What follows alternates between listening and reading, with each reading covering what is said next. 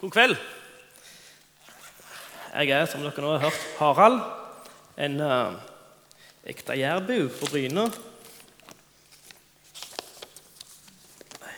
Det er et fascinerende fenomen hvor bevisst en blir på egen puls før en skal opp sånn dette her. Uh, temaet i kveld har utvikla seg litt ifra når jeg først presenterte det til Arnt Magne for en tid tilbake. Der jeg hadde noe jeg ville tale om, og så har Gud jobba litt med meg, og så har det blitt litt annen vri på det. Han har på en måte jobbet med meg en stund med at uh, en sånn, en, du skal presentere evangeliet på Salem en gang. Og så har jeg vært litt sånn motvillig til at ja, vi tar det neste gang. Og så i dag har han fått vridd det litt i den retningen der. Så um, det blir en plassen for som det sto, å gi Gud ære, så blir det mer enn til Guds ære. Sånn endring i tittelen, skal kalle det.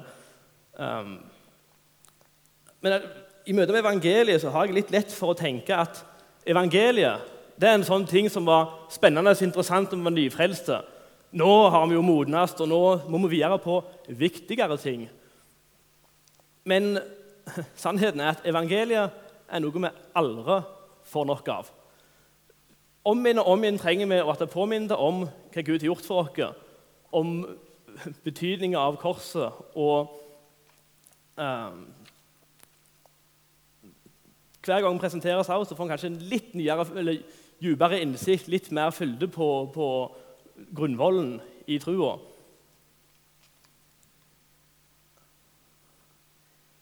Og det er ganske mange ting jeg syns egentlig går helt greit å tale over. Men evangeliet er den tingens utfordring mest. For i møte med evangeliet så føler jeg meg fort liten. Litt uverdige. Det er som at denne dypen i evangeliet det er noe jeg aldri virkelig klarer å gripe tak i og se fylden i. Og Uansett hvor mye jeg prøver, hvor godt jeg prøver, hvor mye jeg jobber med det, så vil jeg aldri klare å gi en skikkelig verdig presentasjon av evangeliet. Men det er gjerne ikke mindre viktig å gjøre et forsøk. Så før jeg begynner, jeg nødt til å be. Far, nå trenger jeg din hjelp. For uten din hjelp, far, så er dette her ingenting. Hjelp. Amen. Mange ganger grubla over uten å få noen gode svar på hvorfor Gud skapte denne verden. Jeg har ingen gode svar, men én uh, ting ser jeg. Han skapte verden ut av seg sjøl til å gi seg sjøl ære. Hørt noen ganger at Gud trengte fellesskap, men Gud har i seg sjøl, i den treenighet, Fader, Sønn og Hellig Ånd, en fullkommen enhet, en fullkommen samhold, og har ikke behov for noe fellesskap utover det. Men han skapte verden med den hensikt av å vise hvem han er. Ut av sin storhet så kom verden, han representerer Gud. Som det står i Salme 19,1.: Himmelen kunngjør Guds ære, hvelvingen forteller hva hans hender har gjort. I skaperverket så finner vi Gud. Jeg har ved flere anledninger hørt folk presentere evangeliet. og Jesus har blitt presentert som en, på en måte en slags plan B. Om at Egentlig var det meningen at verden den skulle, eh, skulle, være som i Edens hage. Og så, oi, så gikk det galt. Og så går Gud og klør seg i bakhodet over lengre tid og tenker hva skal jeg finne på? Og så i en genial idé så ja, Jesus. Som en sånn nødløsning som kom når ting ikke gikk som det egentlig skulle gå. Men jeg vil fortelle dere Jesus visste Gud om lenge før han skapte verden. Vi kan ta Efeserne 3, 8-9. Der Paulus Jeg som er den minste av de hellige, har fått den nåde å forkynne den gode budskapen om Jesu Kristi ufattelige rikdom for folkeslaget og bringe Guds frelsesplan fram i lyset. Det mysteriet som fra evighet av har vært skjult hos Gud, han som skapte alt. Fra evighet av, fra før verden kom til. Eller 1. Peter 1,20. Han var bestemt til dette før verdens grunnvoll ble lagt. Eh, for deres skyld har han blitt åpenbart nå ved tidenes ende. Djevelen falt. Det kan vi lese om eh, bl.a. i Isaias 14, 9-15 eller Esekel 28, 14-19. Jeg kommer ikke til å gå inn på akkurat det, men det står at han var en lysets engel, en kjerub, lovsangsengel. En av de fremste Gud hadde satt i verdige posisjoner i hans sagt, hva skal kalle det, engleherskare. Um, han falt. Han var hovmodig, han ville ha ære. Hva fikk han? Rettferdighet. En rettferdig dom og så langt jeg kan se, ingen håp om gjenoppreisning. Ingen plass i Bibelen fortelles det noe om at Gud ble til en engel og gikk blant englene og bar engler og demoner sin synd og gjenoppreiste for dem. Han ga dem dom. Han viste for alle makt og myndigheter at han er rettferdig. Går det galt, så er det konsekvens. Hans dom. Og sannheten er at Gud kunne gitt oss en like rettferdig dom og vært helt og fullt rettferdig. Faktisk er det det at Gud ikke ga oss den straffa vi fortjente, som gir han et problem. Som det står i ordtaket 1715. Både å frikjenne han skyldige og dømme han rettferdige er begge en styggedom for herden, For Herren. Er det ikke det vi forkynner? At han tok den rettferdige og dømte han, og den skyldige satte han fri? Gud har et problem. Det han har gjort med å la Adam leve videre, med å utvelge et folk Han er ikke rettferdig. Djevelen kalles anklageren. Vi sier ofte han anklager mennesket, men han er først og fremst anklageren pga. at han anklager Gud. Tenk deg den dagen mennesket falt. Gud, hvor er din rettferdighet? Jeg falt. Se konsekvensene. Adam, du gir han håp. Denne Noah, som du lot bevare når du sendte syndefoten en alkoholiker. Det første han gjorde, var å dyrke en vingård og drikke seg dritas. Denne Abraham, din utvalgte, han løy om kona og spilte på til farao for å vinne til seg rikdom. Denne David, en mann av Guds hjerte, han var utro med en annen manns kone og drepte mannen etterpå. Er dette verdig. Israel, ditt folk, hvor mange ganger har ikke de gått imot deg?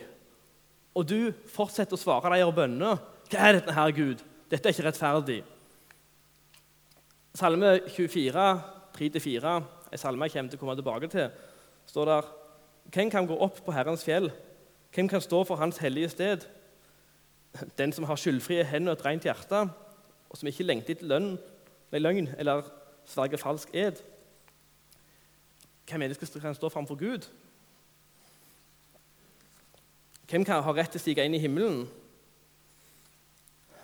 Det er ikke nok å verte tilgitt. Den som må inn i himmelen og ha rene hender og et rent hjerte, hvem har det? Det er en pris som må betales.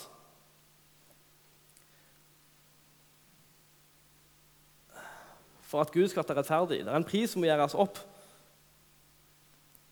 for at Gud skal være rettferdig for en dommen han ikke felte.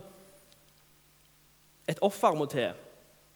I tida, gamletestamentlige tid så ofra de okser og lam og turteldu og alt dette når de hadde gjort synd. For den synden skal du betale det, og den synden skal du betale det. Men kan et lam betale for noe et menneske har gjort? Det blir som at Hvis du har gjort et eller annet kriminelt, og du kommer fram for dommeren, og han eh, forteller dommen til deg, og du sier ja, det stemmer, det, jeg har gjort dette her. Helt sant. Han sier ja, dømmer deg til fem år. ja, greit, jeg skal ta straffen. Du, jeg har med meg, med meg en slegen sau. Kan ikke ta den i plassen. Det funker liksom ikke. Det er mennesket som har synda. Det er mennesket som må betale. Så den som skal, det offeret som skal gis, må være et menneske. Fullt ut menneske. Men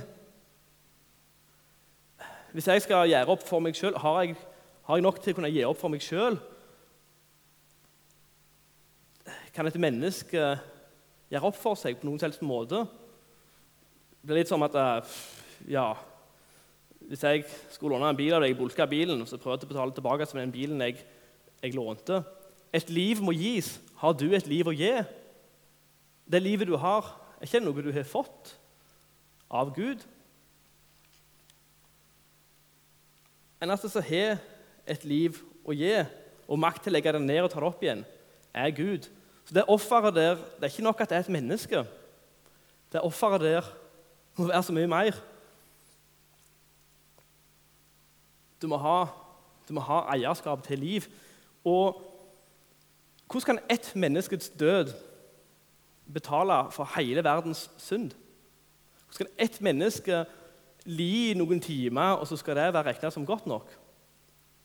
Sier dere, Dette mennesket her var langt mer enn et menneske. Hvis Gud legger ned sitt liv, så har han vært så mye mer enn all synd som noen gang kan, kan gjøres. Alt som kan gjøre galt. Fra evighet av og til evighet. Gud er verdt mer. Så mye mer. Så hvis Gud legger ned sitt liv, så kan det ene offeret være nok for å betale all synd. Og Guds vrede over synd Det står mye i Bibelen om Guds vrede over synd. Hvis offeret skal kunne tåle at Gud utøser sin vrede over hele verdens synd Hva menneske kan tåle det? Det står at uh, fjellene skjelver av Guds vrede. Kan et menneske tåle det? Bare Gud kan tåle det. Så det offeret som skal gis, må være et fullverdig menneske, men det må òg være Gud. Dette er den ting du kan ta Jehovas vitne på hvis du kommer på døra. En av de mange tingene. De forkynner at Jesus var et menneske skapt utføre syndefallet, som ikke er Gud, men et skapt vesen. Og et skapt vesen er ikke nok. Jeg vil ta et lite kvantesprang, om vi skal kalle det det, et stort hopp, fram til korset. Når Jesus henger på korset, så sier han, 'Min Gud, min Gud, hvorfor har du forlatt meg?' På den tida, i gamle testamentlige tid, så hadde de ikke vers og kapittel i Bibelen. De kom først, tror Kapittelet kom på 1400-tallet, og verset kom på 1600-tallet. Uh, ah, beklager, feil. jeg har ned. I 1228 kom kapittelet, og i 1448 kom versene. Uh, noen munker som fant på det. Genial strek. Når de skal referere til Bibelen, eller Det gamle testamentet, i Gamle testamentet i tid, noe du ser Jesus gjøre mange ganger i sin tjeneste, så siterer de første setningen i det avsnittet de vil dele. Og så vet de at resten av forsamlingen der kjenner til det. For i Israels tid så var det en veldig stor kjennskap til eh, det de kaller Toraen, eller Gamle testamentet, og loven. Mosebøkene Alle gikk i lære fra de var rundt 7-8 år til de var 12 år og lærte Mosebøkene utenat. Videre gikk de flinkeste, de som ikke gikk ut, ble tømmermenn eller fiskere, og lærte loven, dvs. Si profetene og kongebøkene og alt dette utenat fram til de var rundt 18-19 år. Og så gikk de beste videre til å bli rabbinere eller rabbier, sånn skriftlærde. Så kjennskapen til Bibelen var enorm. Så når Jesus henger på korset og sier 'Min Gud, min Gud, hvorfor har du forlatt meg?' så vet alle hva han refererer til med en gang. Et vers som garantert har lest opp mer enn én gang på sabbaten. Jeg vil gå gjennom Salme 22 litt, jeg tar ikke hele, men tar noen bruddstykker. Jeg starter med vers 2-3. Det sier han, 'Min Gud, min Gud, hvorfor har du forlatt meg?' 'Hvorfor er du så langt borte når jeg roper om hjelp og skriker ut min nød?' 'Min Gud, jeg roper om dagen, men du svarer ikke.' 'Jeg roper om natta, men får ikke ro.' For evighet av så har treenigheten hatt samhold, vært en enhet, vært ett i det nydeligste du kan finne av samfunn.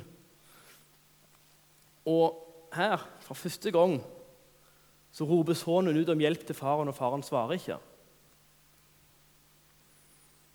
Videre så leser vi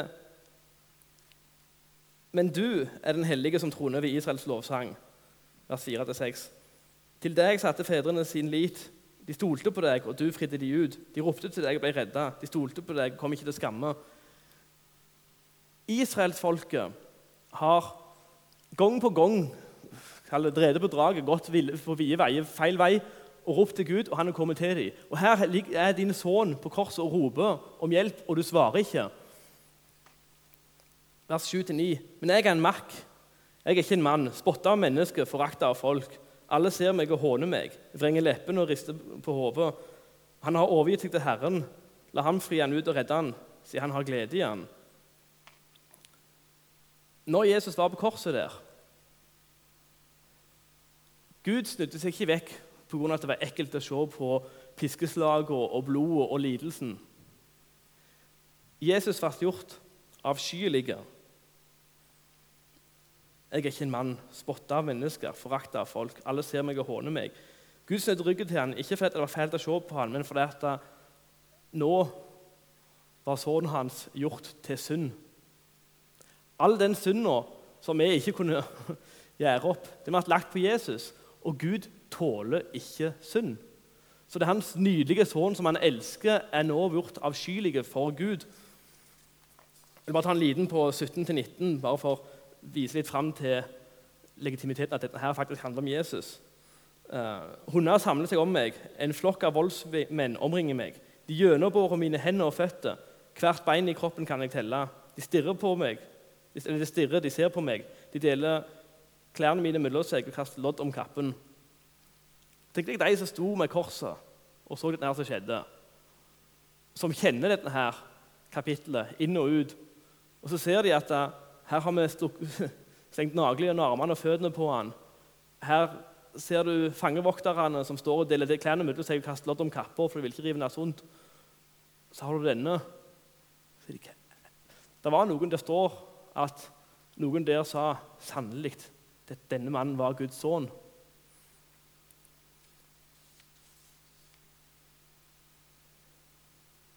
Profetien taler klart.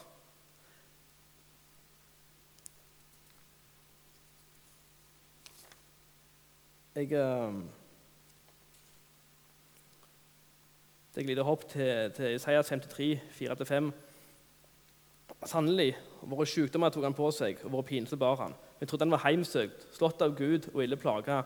Men han ble såra for våre brudd og syndbrodden for våre synder. Straffa lå på han for at vi skulle ha fred, og ved hans sår har vi fått legedom. Jesus i Getsemane, før han skal opp til at han vet hva som ligger før seg, før han blir tatt til fange, så sier han, ber han ei bønn 'Herre, om det er mulig, la dette begeret eh, tas fra meg, men ikke som jeg vil, som du vil.' Hva var i dette begeret som han ikke ville drikke? Det har sagt mye om alt hans lidelser, som jeg nevnte tidligere. Guds vrede. Han var fullt klar over at i dette begeret her ligger Guds vrede, som jeg nå skal, skal tømme en gang for alle.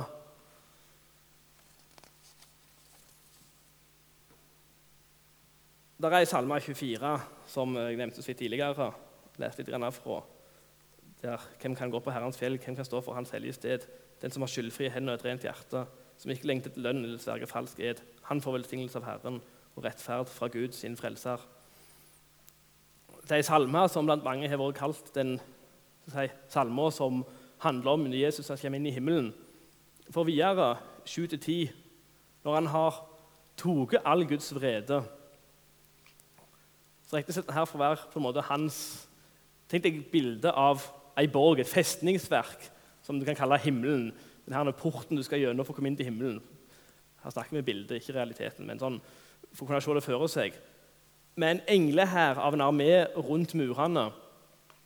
Aldri noen gang i historien et menneske kunne komme fram på disse, framføre disse murene her, på denne porten og overleve og gå helt gjennom det. Aldri noen gang et menneske kunne stemme, eh, gå inn i Guds herlighet og tåle det. Her kommer det et menneske.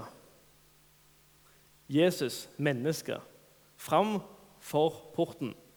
Så sier han, 'Løft hodet, dere porter. Ja, løft dere eldgamle dører, så ærens konge kan dra inn.' Dialog. Så englene responderer. 'Hvem er denne ærens konge?' Jesus svarer, 'Herren sterk og mektig, Herren mektig i strid. Løft hodet, dere porter. Ja, løft dere eldgamle dører, så ærens konge kan dra inn. Svar igjen. Hvem er denne ærens konge? Jesus svarer. Herren Sebot, Han er ærens konge. Og For første gang i historien så slår døra åpne. Vi åpner. For her står det et menneske som har betalt alt det som måttes for at et menneske skal kunne stige inn. Så, så, Som den første blant mange så stiger Jesus inn. Så jeg før meg han går inn gjennom portene, verdig, opp til trona der Faderen sitter. Så sier han det er fullført. Og Faderen responderer tilbake som en bekreftelse. Ja, nå er det virkelig fullført. Setter han seg med Guds trone i samfunnet igjen, og enheten er kobla sammen igjen. Jesus går inn i vår plass og åpner døra som ingen kunne åpne, og gjør det mulig for oss å tre inn framfor Herren. Og på dette korset Nå kommer vi inn igjen til Guds ære. Skaperverket som er helt og fullt ut for å gi Gud, Gud ære og vise hvem Gud er. På dette korset så rettferdiggjorde Gud seg sjøl. Så viste han for makt og myndigheter for alt at den tålmodigheten han har vist over disse årene fram til korset, den overbærenheten han har hatt, den var rettferdig. Oppgjøret kom. Gjennom korset så viste han ikke bare for mennesker, men for makter og myndigheter, for engler og demoner, for alt, at han er nåde, tilgivelse og ikke minst det ordet som kanskje oppsummerer mest kjærlighet. At Herren er kjærlighet. Og Hvordan skulle han vise sin nåde, tilgivelse og kjærlighet hvis det ikke var et fall? Hvordan skulle han vise at han var villig til å elske så mye, det er så mye kjærlighet i ham, at han er villig til å ofre seg sjøl for noe så lite uverdig som menneske? Det måtte et fall til og gjenoppreisning til for at Gud gjennom skaperverket skulle ta til seg den æra han fortjener. Og vi lir veldig godt av det. Dette er den fremste framvisning av kjærlighet som noen gang kunne vært mulig å gi. At en Gud gjør noe sånt. Igjen står vi egentlig med at det er bare én synd igjen. Galaterne 2, 16. Vi vet at ikke noe menneske blir rettferdig for Gud ved gjerninger som loven krever, bare ved troen på Jesus Kristus. Derfor satte vi, også vi vår lit til Kristus Jesus, så vi skulle bli kjent rettferdige ved troen på Kristus, ikke ved lovgjerninger. For ikke noe menneske blir rettferdig ved lovgjerninger. Så da er det ingen lov lenger. Det er ingen lov du skal følge, ingen regel du skal leve etter. Alt det som krevdes, ble sagt på han. Igjen er det bare ei synd. Ei eneste. Og det er jo ikke tro på hans sønn. Og det å ikke tro på hans sønn er ikke å gi han den æra han fortjener for det han har gjort. Tenk deg sjøl å komme fram for Guds trone og få høre at jeg kom ned til jorda. Jeg gikk rundt iblant dere, jeg gjorde mektige tegn og under. Sist av alt tok jeg alt det dere ikke kunne gjøre, på meg og betalte for dere. Og jeg sendte mine egne rundt om hele jorda, til alle verdens hjørner, og fortalte om det, og du ville ikke ta imot.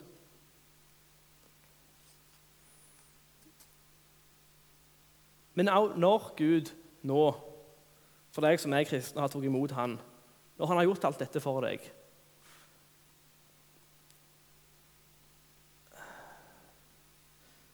Når du har feila stort,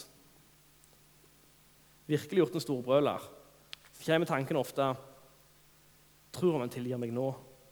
Nå har jeg virkelig, virkelig gjort det galt. Det skal godt gjøres å bli tatt tilbake igjen der jeg var etter dette. Det kan være se håpløst ut i, i seg sjøl, men tenker en skulle ikke jeg være heldig? Jeg, var, jeg har jo fulgt han så lenge, og så har det gått så galt. Så der kjenner jeg kanskje at Hvordan kan jeg nå høre til et kristent fellesskap? Nå er jeg jo ikke som de andre lenger. Nå har jeg jo denne her å bære med meg, hva det nå skulle være. Se på korset. Han sa, 'Det er fullført. Og når han sier 'det er fullført', så mener han det. Dette begeret han drakk av, det er ingenting igjen. Det er ikke noen dråper i bunnen der med litt vrede igjen til deg når du går og driter litt på draget. Det er tomt. Skåltomt, som vi sier. Det er ikke mer igjen. Alt som er igjen, er kjærlighet, nåde. Så om verden rundt skulle fordømme deg, for det gjør vi som mennesker i ny og ne, så vet at hos Gud er det ingen fordømmelse igjen. Romerne 8, 1-2 så er det da ingen fordømmelse for de som er i Kristus Jesus. For Åndens lov som gir liv, har Kristus Jesus gjort deg fri fra synden og dødens lov. Mennesker kan gjerne ta seg retten til å stemple folk som at de ikke har lov til sånn og sånn pga. sånn og sånn, eller gjør sånn og sånn på sånn og sånn. Gud gjør ikke. Han er radikalt annerledes enn alt annet det vi kjenner til og kan forstå. Han er ikke som oss. Han er kjærlighet og nåde. Og når han nå har tilgitt deg alt dette, når han nå har rensa deg rent for alt det du har gjort For ditt hovmod, for din stolthet, for din 'Jeg er flink, jeg kan, jeg er mye bedre enn alle andre.' Alt ditt. Eller 'Jeg kan ikke, jeg er uverdig'. Like gale begge deler. For ingenting er sannheten i forhold til, til Guds øyne. Når han har tatt alt dette på seg, hvordan kan du holde tilbake tilgivelse overfor andre? Det er veldig lett når noen har gjort vondt mot deg, å på en måte ønske å kreve gjenoppreising. Og ønske at de skal komme angrende på sine kne og be om tilgivelse. Men hvis du, først du kan gi tilgivelse da, så spør jeg Kom Jesus til deg først etter du hadde gjort opp for deg? Eller kom han mens vi ennå var syndere?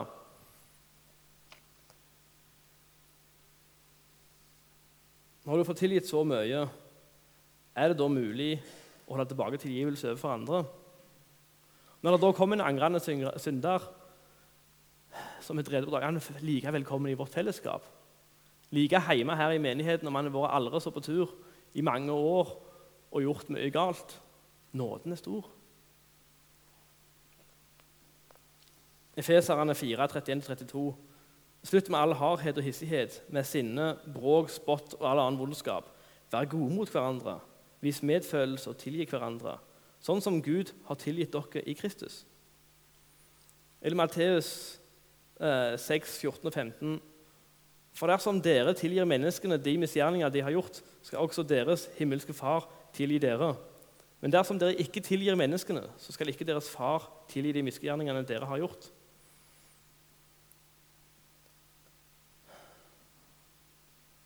Vi er kalt til å ha samme mentaliteten som Gud har overfor det som er galt.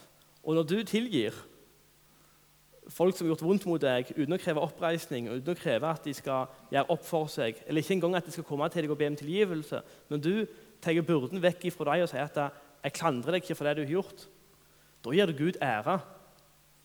Da sier du at det han betalte, er nok for mine feil overfor han, men òg nok for andres feil overfor meg. For at vi lever i nåde. Da gir du Gud ære er, på den måten som han er verdig, helt og fullt ut. For da får han vist sin kjærlighet gjennom deg til folk rundt deg. Og Gud er verdig, folkens. Han er virkelig verdig. All ære.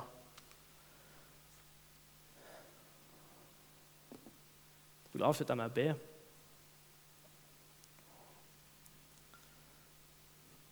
Far, takk for det du har gjort for oss, og for at vi fikk være de som du utøvde din nåde over og viste din kjærlighet og proklamerte hvem du er. For takk for at du eh, bare øver med våre synder og er tålmodig med oss, på tross at vi gang på gang svikter deg, og at du, uansett hvor galt vi har gått, kun gir oss av din kjærlighet om igjen og om igjen. Hjelp oss, far, til å vise den kjærligheten videre. Til å tilgi, vise nåde. Alltid. Uansett hvor mye det folk har påført dere smerte, og hvor mye vondt ting har vært, så jobb dere, far, med din nåde. Og hjelp dere, far, å leve liv som er til ære for deg. Og spre videre den herligheten som du åpenbarer for oss gjennom ditt skaperverk.